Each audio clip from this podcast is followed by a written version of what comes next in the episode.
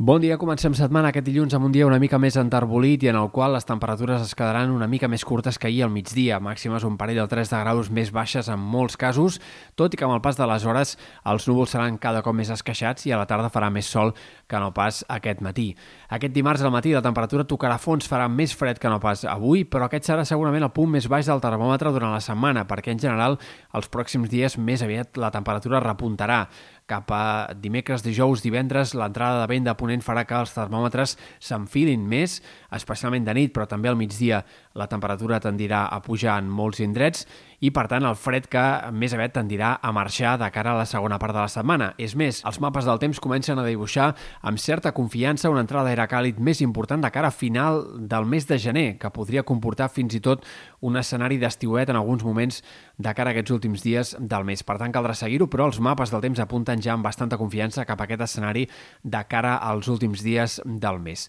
Pel que fa a l'estat del cel, com dèiem, avui dia una mica més enterbolit, demà les clarianes predominaran, només amb algunes boires, i a partir de dimecres sí que esperem un escenari de borrasques atlàntiques que comportarà un panorama més canviant de temps, amb nuvolositat variable com a mínim, fins i tot en moments de cel tapat i amb algunes precipitacions que arribaran a ser destacables al Pirineu, sobretot al sector occidental de la Serlada i especialment al vessant sud. En sectors de la Ribagorça, del Pallars, entre dimecres i dijous hi pot ploure amb certes ganes i les nevades eh, que se situaran al voltant d'entre els 1.000-1.500 metres a la cota de neu al llarg d'aquests pròxims dies, eh, podrien arribar a ser abundants cap a cotes més altes. Per sobre dels 2.000 metres esperem gruixos de més de 30 centímetres aquests pròxims dies, sobretot entre dimecres i dijous. Divendres la nevada també pot afectar més ganes al vessant nord de la Serlada, la cota de neu cap al final de la setmana podria arribar a baixar per sota dels 1.000 metres i més enllà d'aquestes precipitacions al Pirineu també esperem que arribi a ploure en, punts, en altres punts de l'oest de Catalunya, sectors de la Catalunya de cara a dimecres, dijous, precipitacions aquí menys abundants,